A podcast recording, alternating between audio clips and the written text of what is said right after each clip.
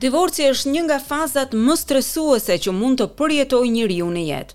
e duke patur parasysh koston e lartë financiare dhe emocionale të daljes në gjykatë, sistemi ligjor australian nxit ndërmjetësimin dhe alternativat e zgjidhjes së mosmarrëveshjeve familjare përpara se të duhet procesi gjyqësor.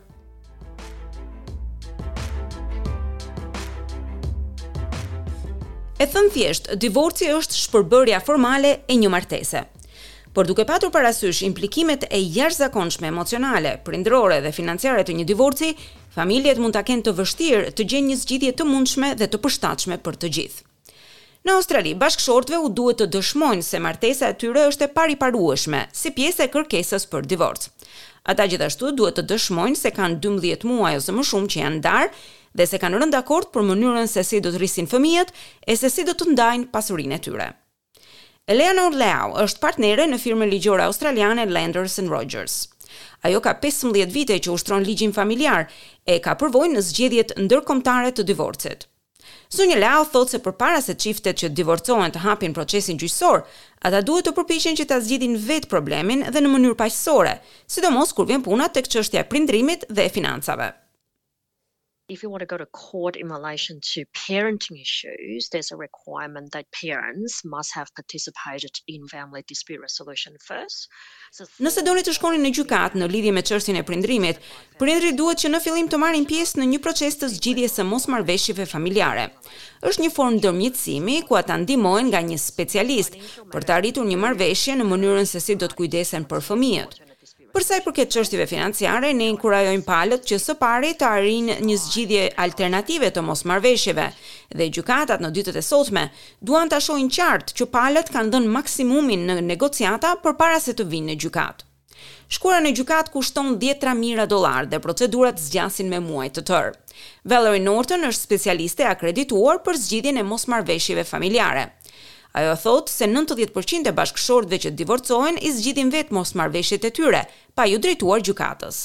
I meet with each person individually first, so I'm assessing if mediation is suitable. If there's a lot of upset there, Së pari takohem me çdo person individualisht për të parë nëse ndërmjetësimi është i përshtatshëm. A ka probleme të shëndetit mjekësor, drogë, alkool apo dhunë në familje?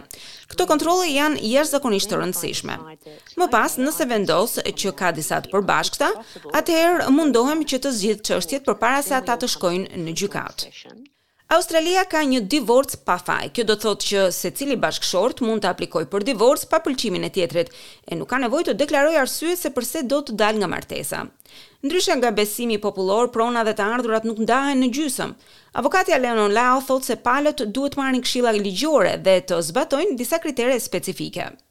in a property settlement the first step is we need to work out what's there to divide so obviously the wealth within Australia but also Në çdo problem pronësie, hapi i parë është që të përcaktojmë se çfarë do të ndahet, pasuria brenda Australisë, pasuria jashtë Australisë. Merren parasysh të gjitha. Pastaj ka lloje të ndryshme kontributesh që duhet të konsiderohen, bëhet vlerësimi për kontributin financiar dhe jo financiar, kontributin shtëpiak dhe atë si prind.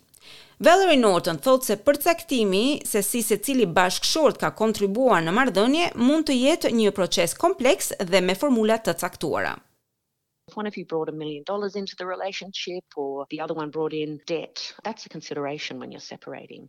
Duhet merret në konsideratë, për shembull, njëri prind mund të ketë sjellë një milion dollarë në marrëdhënie, tjetri ka patur borxhe. Gjëja e dytë është kontributi gjatë marrëdhënies. Kontributi mund të jetë financiar ose jo financiar. S'ka të bëjë se sa para keni fituar nëpërmjet punësimit, sepse të qenit prind është në të njëjtin nivel si të qenit drejtor i një kompanie gjigante. Dhe faktori i tretë është nevoja e ardhshme e secilit bashkëshort.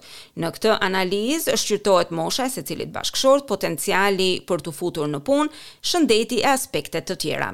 Palët mund të arrijnë një marrëveshje financiare ose prindërore gjatë ndërmjetësimit, Ata mund të marrin gjithashtu edhe këshillën e avokatëve.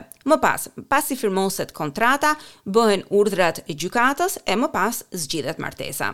Zonja Lau thotë se ka shumë rëndësi që personat që përballen me ndarje t'i lënë mënjanë emocionet e të marrin këshilla ligjore sa më shpejt që të jetë e mundur.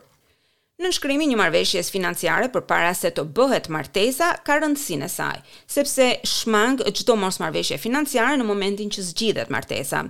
Personat të cilët nuk kanë të ardhura financiare dhe nuk janë në gjendje të marrin avokat privat, mund të marrin këshilla nga Legal Aid. Ata gjithashtu mund të kontaktojnë Relationship Australia, një shërbim i financuar nga qeveria, i cili mund të ndihmojë familjet që kalojnë nëpër ndarje, duke i dhënë atyre këshilla të kufizuara ligjore duke i lidhur me ndërmjetës dhe këshilltarë të akredituar. Ekspertët ligjorë dhe të shëndetit thonë se gjëja më e rëndësishme që duhet të keni parasysh gjatë divorcit është nevojat e ardhshme dhe mirëqenia e fëmijëve.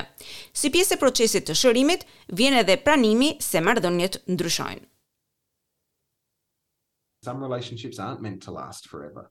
They can be really positive and successful relationships while they last, but people can move on and, and still have really... Disa marrëdhënie nuk janë të thëna të zgjasin për gjithmonë. Ato mund të jenë marrëdhënie vërtet pozitive e të suksesshme për aq kohë sa zgjasin.